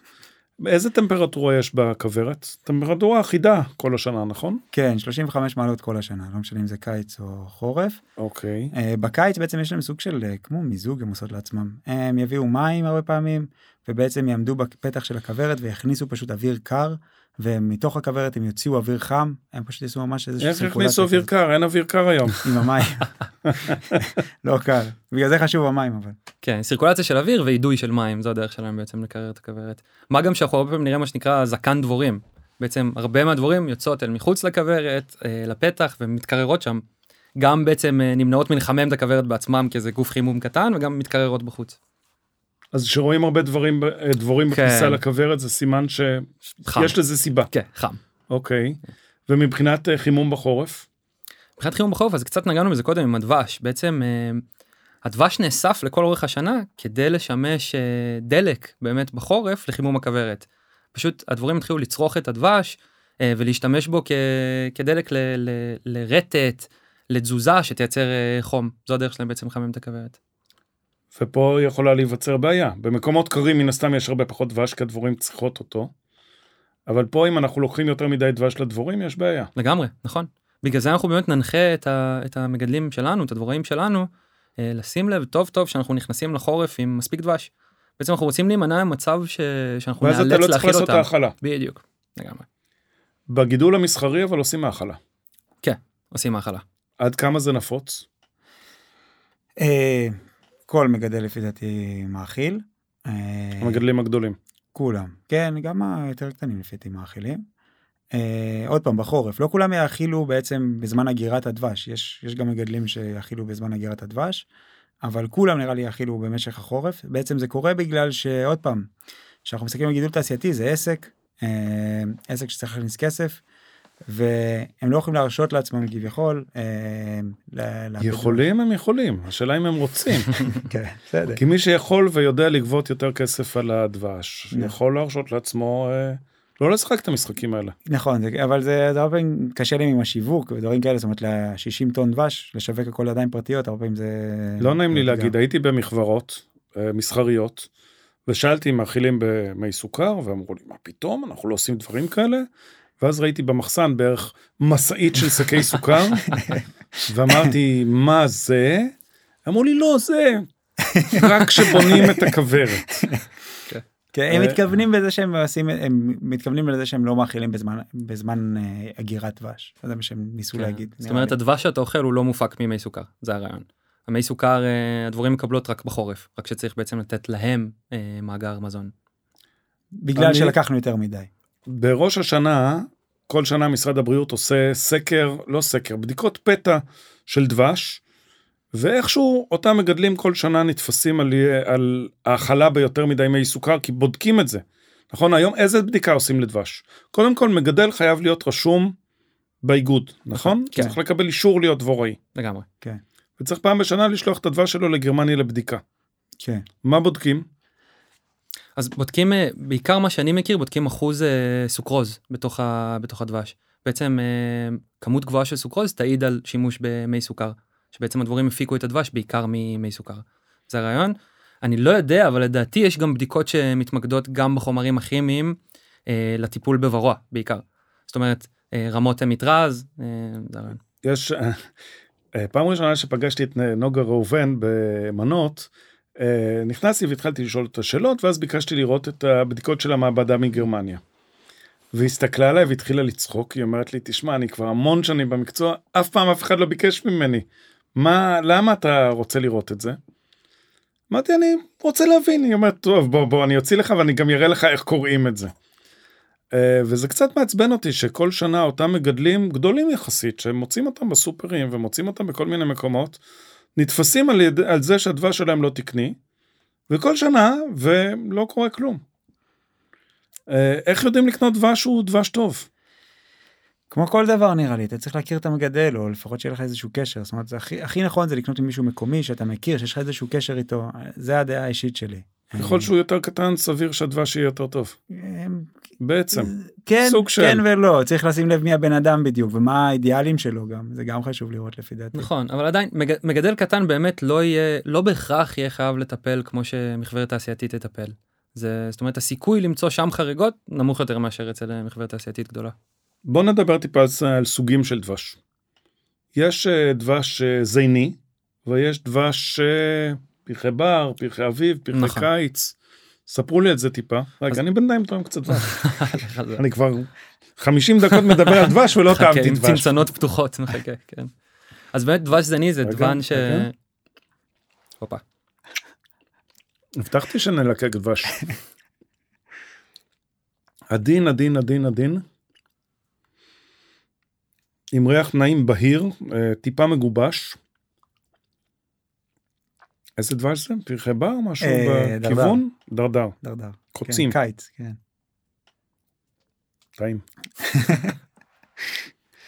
כן, דיברנו על זה, כן. סוגים של דבש. אז באמת דבש זני זה יהיה דבש של הבחנה לפי הזן שממנו מופק הדבש. לצורך העניין אבוקדו, אה, דבש זני, ליצ'י. אה, מצד שני יהיה לנו דבש כמו דבש אביב, שהוא בעצם איזשהו מיקס של פרחי בר שפורחים, וקשה בדיוק להבחין ממה זה הופק. ששם לא משלמים לאף אחד על האבקה. שם לא. אז למה בכלל אה, עושים את זה? לאסוף דבש? שם הרווח הוא נטו ממחיר הדבש. כן. אוקיי. רוב הדבוראים המסחרים שמים גם וגם? כן, כן, לחלוטין. זאת אומרת, יש...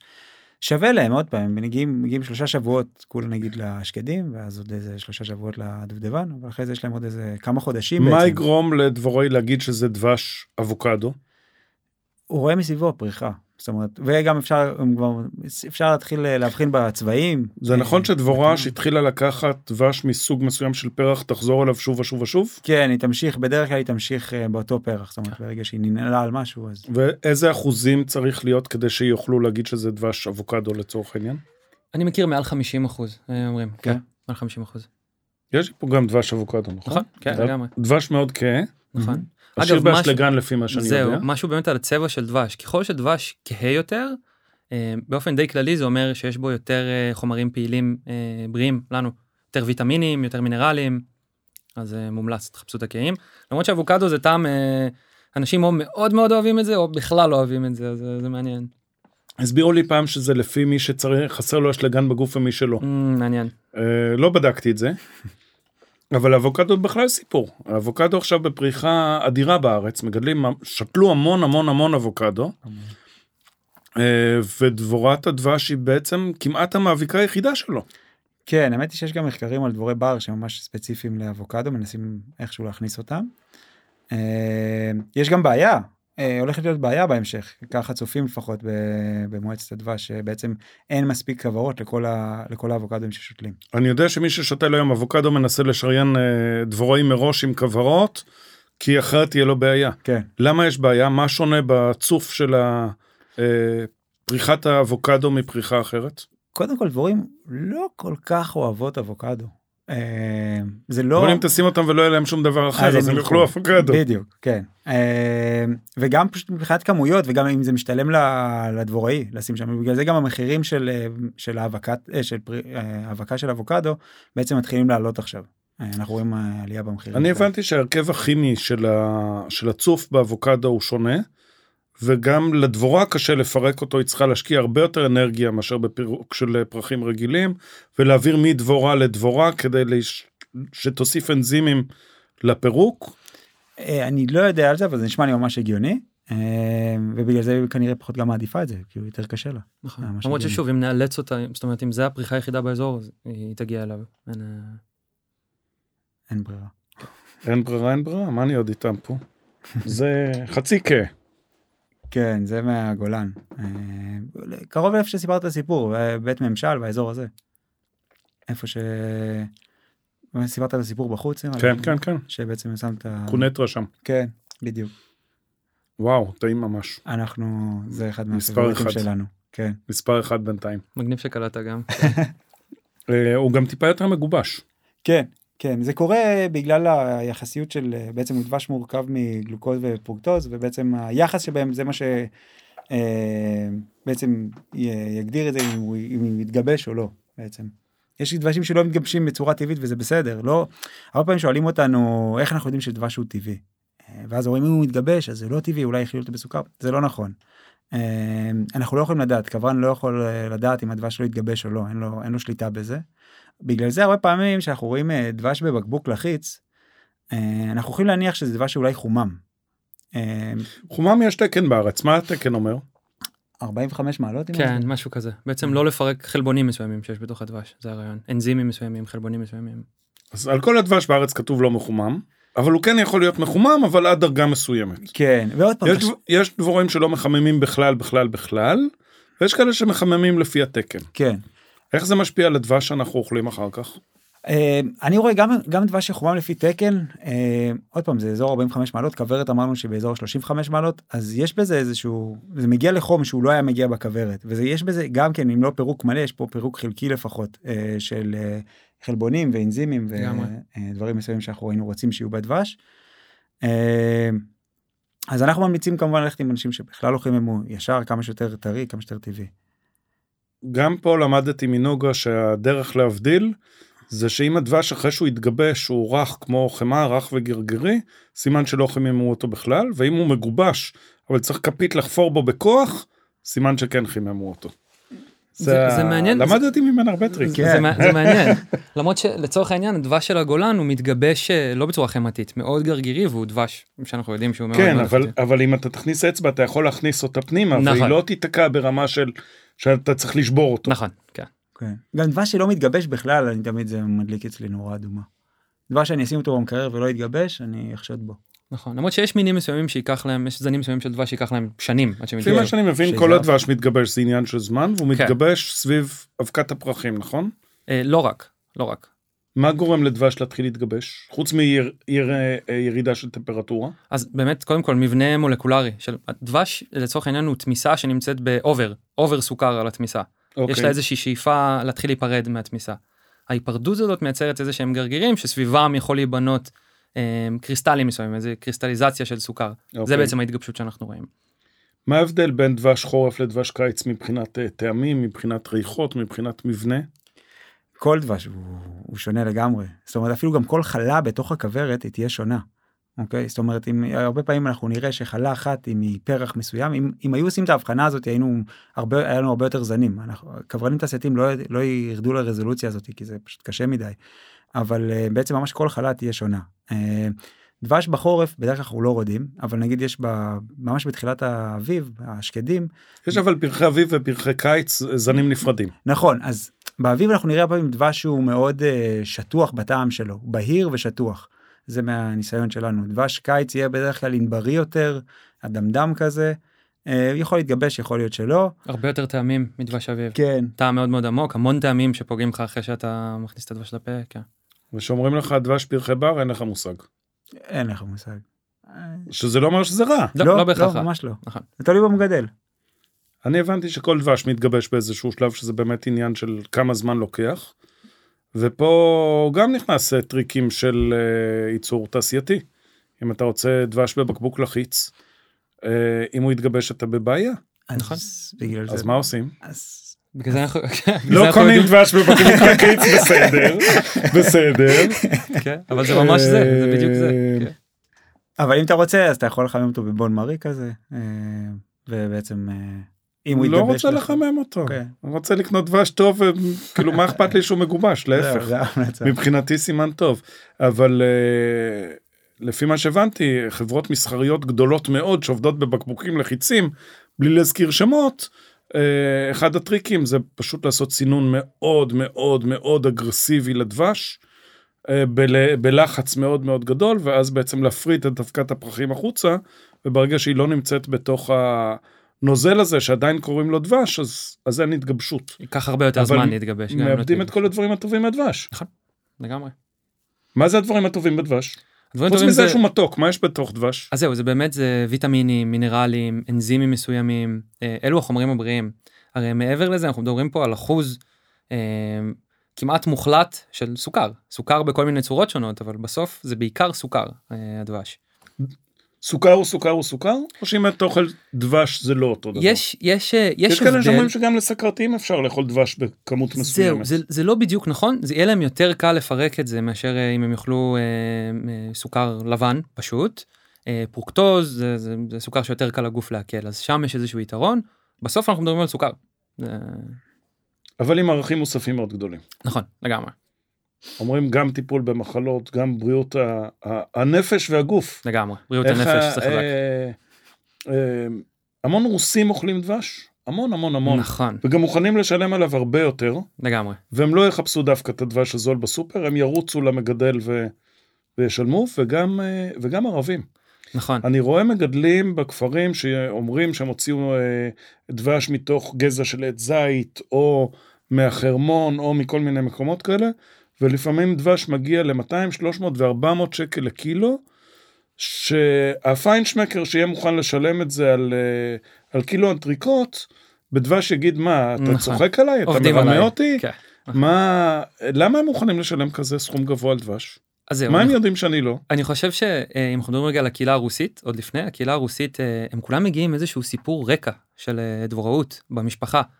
כולם סבא שלהם גידל או אבא גידל, אז זה משהו שמאוד קרוב ללב שלהם והשאירו אותו קרוב. אה, במגזר, במגזר הערבי, יש שם לפי מה שאני מכיר איזשהו קשר ממש לקוראן עצמו. אה, שמוחמד בעצם אמר להם שדבש מאוד מאוד בריא לגוף, והדבר הזה הפך לנחלת כן, הכלל. יש, יש סורה שאומרת שדבש אה, לגוף והקוראן לנפש. ממש משהו. כזה, כן, נכון? כן, כן. וזה הגיוני לשלם 300 שקל לקילו דבש? מעניין. מקבלים משהו אחר? אמ, שוב, מאוד מאוד תלוי במגדל. אם הם אה, הגיעו למצב שהם משלמים 300 שקל על דבש, הייתי רוצה לקוות ולהאמין שהם יודעים שהמגדל הזה באמת עשה משהו חריג פה וייצר דבש מאוד מאוד איכותי. אמ, בוא נגיד שאני לא חושב שאנחנו צריכים הם- להגיע עד לסכום כזה. הם אוהבים גם מאוד דבש אה, שייזף, נכון? מאוד. דומים. סידר, כן, סידר. סדריה, כן. מאוד מאוד אוהבים, יש לו... לו אה, מובחן מאוד שונה מהדבשים הרגילים. כן, לגמרי, נכון. דבש אדום כזה עם צבע מאוד מאוד יפה, נחשב מאוד בריא. אמ, למה דווקא אותו? למה הם אוהבים דווקא אותו? זו שאלה מעניינת, אני חושב שזה בעיקר בגלל שהוא מגיע אה, מאזור תימן. זאת אומרת, זה דבש שהוא מאוד מאוד ישן, הוא, הוא נמצא כבר המון זמן עם העם הערבי. אה, ו- אוקיי. ונשמר לו שם איזה חסד נעורים כזה. מה שהם מאוד אוהבים לעשות, הם אוהבים לשים קצח ב- אה, בדבש. וואלה, אני לא מכיר את זה. כן, אה, אה, מדברים על, ה, על הגרגר השחור שהוא, שהוא יציל מכל דבר חוץ מאשר מהמוות. ויש חיבור מאוד חזק, ומה שהם מאוד מאוד מחפשים זה את הדבש זלוע. נכון. דבש זה ספר לי קצת על דבש זלוע. ניסית? זה עובד? אני אגיד לך, מסי- אני אספר לך סיפור. אני לא יודע אם זה יעבור את העריכה, אבל בוא נראה. אז אה, אצלי אין צנזורה. זה היופי בפודקאסט, עושים מה שרוצים. אז יום אחד הבאתי, אנחנו, פעם אחת היה לנו כוורות בחרמון באמת, בעונה. הוצאנו שם דבש, זה באמת דבש זלוע, אפשר להרגיש שזה טעם מאוד מיוחד, מאוד מה זה. זלוע? זלוע זה איזשהו צמח שגדל אנדמי לחרמון, אה, הוא כמו קלח, הוא דומה אוקיי. לקלח, אה, ובעצם הדבורים מאוד אוהבות אותו, והוא מייצר דבש מאוד מאוד מסוים. אה, עכשיו אומרים, אתם מדברים על זה שיש לו, שהוא עוזר להון הגברי. ככה תמיד אומרים, אבל אומרים את זה הרבה דברים במגזר הערבי, שעוזר, שדברים שעוזרים להון הגברי. טוב, אז אנחנו רדינו את הדבש הזה, הבאתי איזה, יום אחד הבאתי צנצנת קטנה לאבא שלי, והוא לא השתמש בזה. אחרי שנה הוא פתאום מספר לי שהוא התחיל לשים את זה בשייקים. הוא עושה איזה שייק אה, בלילה, כל לילה הוא עושה איזה שייק עם ג'ינג'ר וזה וזה וזה. ואז כאילו אחרי זה שבוע כאילו הוא מתקשר אליי ואומר לי תשמע אדם אני לא יודע מה קרה התחלתי לעשות את השייקים האלה השתמשתי בדבש שהבאת לי ואני שואל אותו רגע איזה דבש הוא אומר "אה, זה הקטן שהבאת לי אז "אה, זה החרמון. הוא אומר וכל בוקר אני קם וכאילו אני בן 16. ואמרתי לו מה אתה אומר זה תביא לי עוד. עוד מזה, תביא לי עוד מזה. אז אה, אז יש הוכחה יש לי יש לי הוכחה מניסיון אישי. אחד אה, מאחד. כן, אבל אה, אבל עוד פעם קשה למצוא אותו אני יודע שגם שנה אחרי זה שמנו כוורות בחרמון ולא יצא לנו דבש זלוע אז אי אפשר זה לא זה לא guaranteed כאילו אה, אי אפשר לדעת. יש לו אה, טעם מאוד עוד- מסוים. אבל. עוד טיפה על דבש, יש הבדלים אה, מאוד גדולים בטרואר, נכון? דבש אקליפטוס מאזור נהריה לא יהיה דומה בכלל לדבש אקליפטוס מהנגב. דבש פרחי בר, הפרחים אחרים, אקלים אחר, אדמה אחרת, מינרלים אחרים בקרקע. לגמרי בגלל זה אני שאני קונה דבש אני קצת מסתכל על זה כמו בציר של יין. אני אומר או זה בציר שאהבתי ואני אקנה 40 קילו. זאת אומרת שאומרים לך קברנס סוביניון, זה תלוי מאיפה. זה לא ת- אומר תלוי כלום. איפה ותלוי בשנה גם. זאת אומרת אוקיי. אם אתה רואה קובע סובלים סתם בציר 2019 היה מצוין אותו דבר אוקיי. בדבש יכול להיות שפתאום הרדיעה של אה, 2019 2020 הייתה טעם משוגע ו- ואני פשוט הולך לשם וקונה כמה ארגזים אני יודע שזה ככה אני עובד עם זה קיצור דבש כמו יין צריך לטעום כדי לדעת מה אוהבים. ממש ככה. אה, הבאתם לי פה גם אה, פולן. אבקת פרחים. כן רגע נאכל קצת. איך זה גם קצת מתוק וגם קצת מריר. נכון אה, עם המון צבעים שכל אחד בעצם לפי המינרלים של הפרח שממנו הביאו. נכון, מפרח שונה, כן. מאוד מאוד מאוד בריא פולן. זה בעצם אחוז חלבון מאוד גבוה. אה, אז כל מי שרוצה להוסיף עוד קצת חלבון לדיאטה שלו, פולן מאוד מאוד מומלץ. אה, המון חומרים פעילים שיש בפרחים בעצם דרך הפולן אנחנו מקבלים. אה, בעיניי הרבה יותר דברים אה, מהדבש. זאת אומרת להכניס את זה לדיאטה שלכם מאוד מאוד מומלץ. וכמה צריך לאכול? שתי כפיות ביום. שתי כפיות ביום. אבל זה כמ- כמעט לא מוכרים נכון למה? אה, אני לא יודע למה זה באמת לא משווק בצורה יותר רחבה אבל קודם כל מה זה מלכודת פולן איך בכלל מייצרים פולן? אה, בעצם מה רגע אני שאנחנו אוכל עוד קצת. מה שאנחנו מה שקורה בתעשייה בעצם בשביל ליצור פולן. אה, מלכודת פולן זה איזשהו מלכודת כזאת ששמים בעצם בכניסת הכוורת וכל הדברים שעוברות בו בעצם מפילות את הפולן למטה לאיזשהו תא הפולן. נדבק לרגליים נכון? בדיוק. לרגליים ולבטן. כן לרגליים שהן עושות שם בעצם אה, כאלה שקיות של פולן ובעצם כשהן נכנסות לכוורת להביא את זה חזרה זה נופל ונכנס לאיזשהו תא אחסון כזה ואחרי יומיים שלושה אנחנו ניקח את זה. אנחנו צריכים לעשות- לוקחים וצריך לייבש אותו נכון? כן כן כן אה, אפשר הכי טוב לאכול פולן טרי בתכלס אה, וגם פולן שהוא בתוך הכוורת זאת אומרת מתוך חלה ופולן שהוא שאספנו בצורה הזאתי יש הבדל מאוד משמעותי מבחינת הריכוז שלו אה, וה... ולפולן יהיה כל פעם צבע אחר תלוי באזור נכון? כן, מאוד מאוד מאוד שונה. תלוי בעונה גם תלוי בעונה, תלוי באזור. כן יכול להיות פתאום סגול יכול להיות צהוב אדום ואם אתם לוקחים להם במלכודת את הפולן זה לא מפריע להם בייצור של הדבש? בדיוק המשפט הבא שלי. אז אה, אז באמת אה, אנחנו צריכים ממש לשים לב לכמות שאנחנו לוקחים.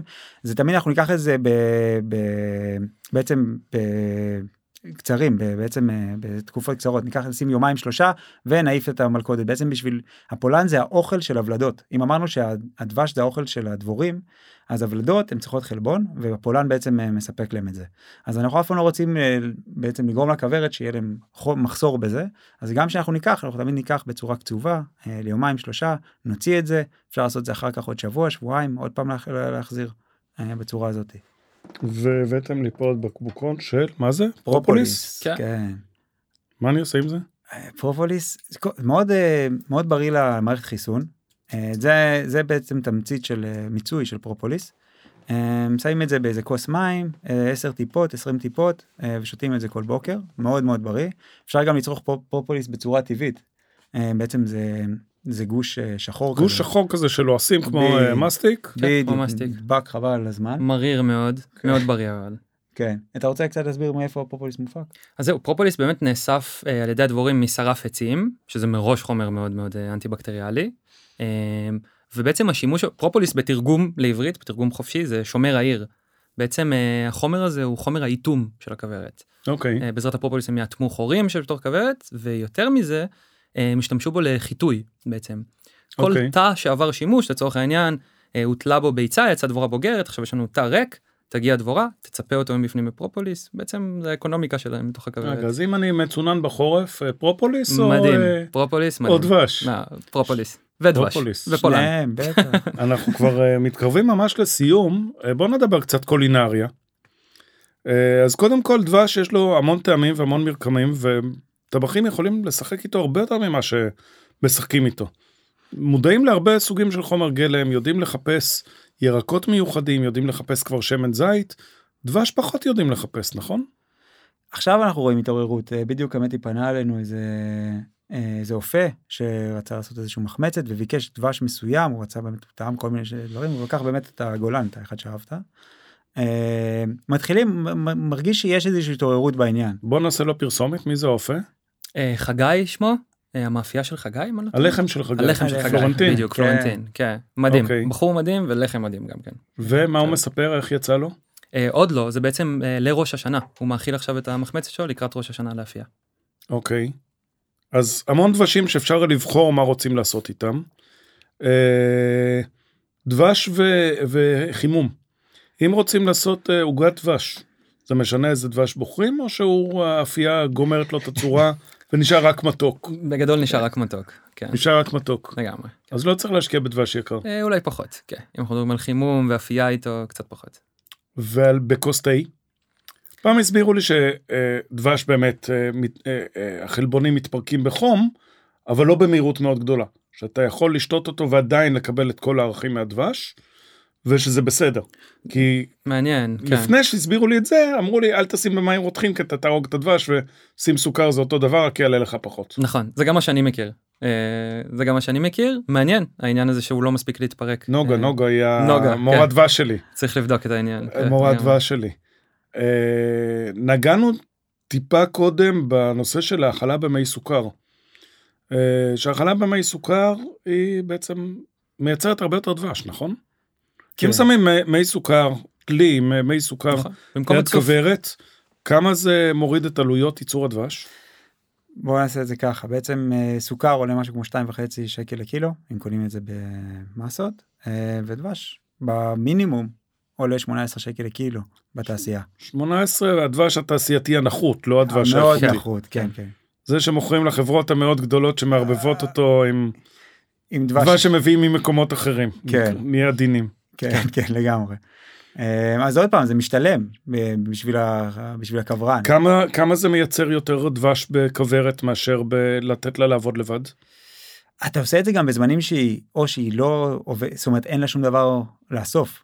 בעצם אנחנו ניתן את זה בזמן של הכוורת נגיד אין שום דבר במרעה למה? עכשיו. י- יבוא, יבוא המגדל המסחרי ויגיד, אוקיי, יש מלא פרחים בחוץ, אבל אם אני אשים אה, חבית עם אה, מי סוכר, הן לא צריכות אה, לעוף רחוק, ייצרו לי 30 אחוז יותר דבש, 50 אחוז יותר דבש, לא יודע כמה אחוז יותר דבש, ואתה מקבל מוצר אה, כן. נחות. כן, אבל זה כן זה כן אה, זה כן וואג'רס לוגיסטי קצת לעשות את זה. סבא שלי היקה אמר לי המחיר צודק. אם משהו זול מדי זה לא כי המוכר או המגדל לא אוהבים אותך. יש סיבה אחרת. לחלוטין לחלוטין. אה, אבל האכלה במי סוכר מעבר לזה שזה דופק אותנו, זה גם דופק את הדבורים. לחלוטין. אה, בעצם זה גורם להם למחלת מעי מסוימת, איזשהו פטריה שגדלה, קוראים לזה נוזמה. אה, זה יכול לגרום לדבר הזה, זה גם מחליש להם את מערכת החיסון מאוד, זאת אומרת עוד פעם, הם ניזונות מסוכר פשוט, בלי כל ה, מה שאמרנו, הוויטמינים והמינרלים שיש בצוף עצמו. אה, אז בעצם זה מאוד מחליש את הדבורים, אה, וזה יוצר נחיל חלש יותר, וזה גם יוצר אה, גנטיקה חלשה יותר. אתה צריך לטפל בהם טיפול תרופתי כדי למנוע את זה. בדיוק, אתה מתחיל איזה אנטיביוטיקות לופ כזה. ועניינים, כן. ו- כן. ברגע שאנחנו תמיד אומרים שברגע שאנחנו עושים איזושהי פעולה אחת של התערבות זה גורר רצף של פעולות התערבות אחר כך. והכי הכי טוב זה בעצם למנוע להימנע מזה. אה, כמו שברגע שאתה מה עוד קולינרית אנשים יכולים לעשות עם דבש שהם לא יודעים? אני למען האמת ניסיתי בגרנולה. לא עבד לי. שמתי- דבש על גרנולה והוא נשרף לחלוטין. מתסיסים אה, דבש תמת זה אה, רעיון אדיר, נכון, ממש. אלכוהול מאוד מאוד עתיק. כן. אפשר לעשות בבית? כן, לגמרי. קודם כל יש אבל זה בדבש, צריך להיות דבש שלא חיממו אותו ולא עשו לו כן. כל מיני דברים רעים. כן כן כן, דבש איכותי. אנחנו בעצם רוצים שיהיו בו גם כל מיני נבגים של שמרים שיוכלו להתעורר כשנוסיף מים. אה, לא חייב להוסיף שמרים מבחוץ. מאוד מאוד פשוט, ממליץ לכולם אה, לנסות. אבל חייבים דבש טוב, הבנתי כן. שאם הדבש לא טוב זה לא יכול לעבוד. חובה, כן, חובה דבש טוב. עוד דבר שראיתי ומאוד אהבתי, אה, אני מדבר על השימוש הקולינרי שלו, לא על השימוש הרפואי שלו, אבל זה כן בא מאזור דרום אמריקה, היו מייצרים דבש על ידי השריה של, של צמחי מרפא לתקופות ארוכות בתוך דבש, דבש סופח מאוד חזק, מוציא את כל השמנים האתריים, כן. נכון. אבל אם שמים ענפים של אה, תימין, של רוזמרין, של אה, זעתר בתוך דבש, לשנה מקבלים משהו מדהים. כן, גם ג'ינג'ר, מעולה. אה, כן. קורקום הרבה פעמים עושים. נכון. כן, וזה עוזר. אה, לסיום, כן, שאלה אה, על פודטק. יש חברה בשם Bee-io דבש, חברה ישראלית, שמייצרת עכשיו, אה, לא יודע אם זה כבר מי- מיוצר למכירה, אבל עובדת על, על דבש בלי דבורים. מה דעתכם על זה? אז זהו, קודם כל אני חושב שהם מחסירים פה פרט מאוד מרכזי. מה הם עושים ש- בכלל? אתם מכירים קצת את אני התהליך? לא סגור על זה לגמרי, לא. אוקיי. יש שם, אבל זה ייצור סינתטי לחלוטין, לפי מה שאני מבין. זאת אומרת, אין דבורה אחת שמעורבת אין. בתהליך. כן. לא נפגעה דבורה בתהליך. לא נפגעה דבורה בתהליך לגמרי. וגם אה, טבעונים יכולים לאכול אותו. נכון, שזה יתרון אה, מגניב, וכן, זה אחלה פתרון לטבעונים. אני חושב שבני אדם תמיד יעדיפו את, ה, את הטבעי. קשה לראות איך אנחנו הולכים לעולם שבני אדם הרבה יעדיפו בני לקנות אדם את מעדיפים את הסינתטי. המחיר. את המחיר. לא נעים להגיד, זה אבל מעניין- מציאות קשה. מעניין באמת אבל אם זה יהיה יותר זול בהכרח מדבש שיוצר בצורה רגילה. אה, אני מניח שככל שהטכנולוגיה תתפתח זה יהיה יותר זול, לא צריך לצאת אה, לשמש, להילחם בגנבים, כן. להילחם במזיקים, נכון, בתולעים, באקריות, ב- בכל מיני דברים כאלה. כן לגמרי. אז זול אני מניח שזה כן יהיה יותר אבל זול. אני לא, אני, אני סקפטי. אני סקפטי לגבי זה רק בגלל שאנחנו עדיין לא יודעים, כאילו אנחנו לא טובים עד כדי כך. אה, כמו הבריאה עצמה. זהו, לחכות אה, ב-100% את מה שהדבורה עושה זה נשמע קצת אה, יומרני לגמרי. או. אז פה נכנס הקטע ההוליסטי שאני מסכים איתכם לגמרי. כי ויטמינים אפשר להכניס פנימה ומינרלים אפשר להכניס פנימה וטעם אפשר לייצר ומולקולות אפשר לייצר בהתערבות אה, מלאכותית. השאלה אם יש את זה עד הסוף. אם מבחינה קוסמית יש, יש את הכל בפנים. אני אני בתור אה, באידיאולוגיה אני אעדיף לצרוך משהו מהטבע אה, אני חושב שגם יש הרבה אנשים שגם אנשים שמעריכים דבש גם לפי דעתי הם לא לא נראה שהסתפקו באיזשהו תחליף אה, מלאכותי לדבר הזה אה, אז אני לא רואה בזה איזשהו אה, סכנה זה יכול להיות טוב לתעשיות או לאנשים שרצו להשתמש בדבש ולא יכלו בגלל אה, מחיר או כל מיני ארגונים לא יודע מטבחים גדולים ודברים כאלה שאולי רוצים להכניס את זה אבל לשוק, לשוק הפרטי אני לא פחות רואה את זה. מסכים. כן. אז אנחנו. אומרים שהטבע עדיין יותר חכם מהאדם. אנחנו הולכים איתו. טוב, לסיום, משהו שאתם רוצים לספר, להגיד על העסק שלכם בכלל.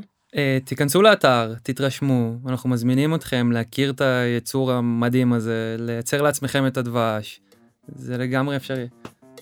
אה, יהיה לינק כמובן ל... ל- איך לדבר איתכם, איך להזמין ממכם כוורת.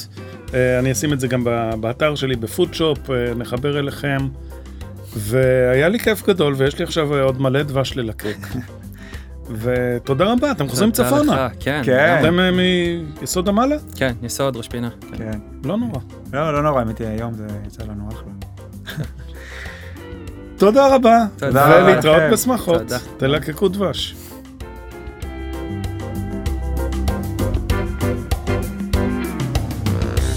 תודה שהאזנתם לעוד פרק של הפודקאסט קולינריה מקומית. אני מקווה שגם היה לכם כיף וגם קיבלתם ערך ולמדתם דברים חדשים. אם אתם אוהבים קולינריה ונהניתם, אתם מוזמנים להירשם למעקב. אם יש לכם מה להגיד, לספר, אורחים שאתם חושבים שכדאי לראיין לפודקאסט, אתם מוזמנים ליצור קשר דרך קהילת הפייסבוק של קולינריה מקומית, להשאיר לי הודעה פרטית או דרך האתר פודשופ, ואני אשמח להגיב, לארח ולשמח את כולנו.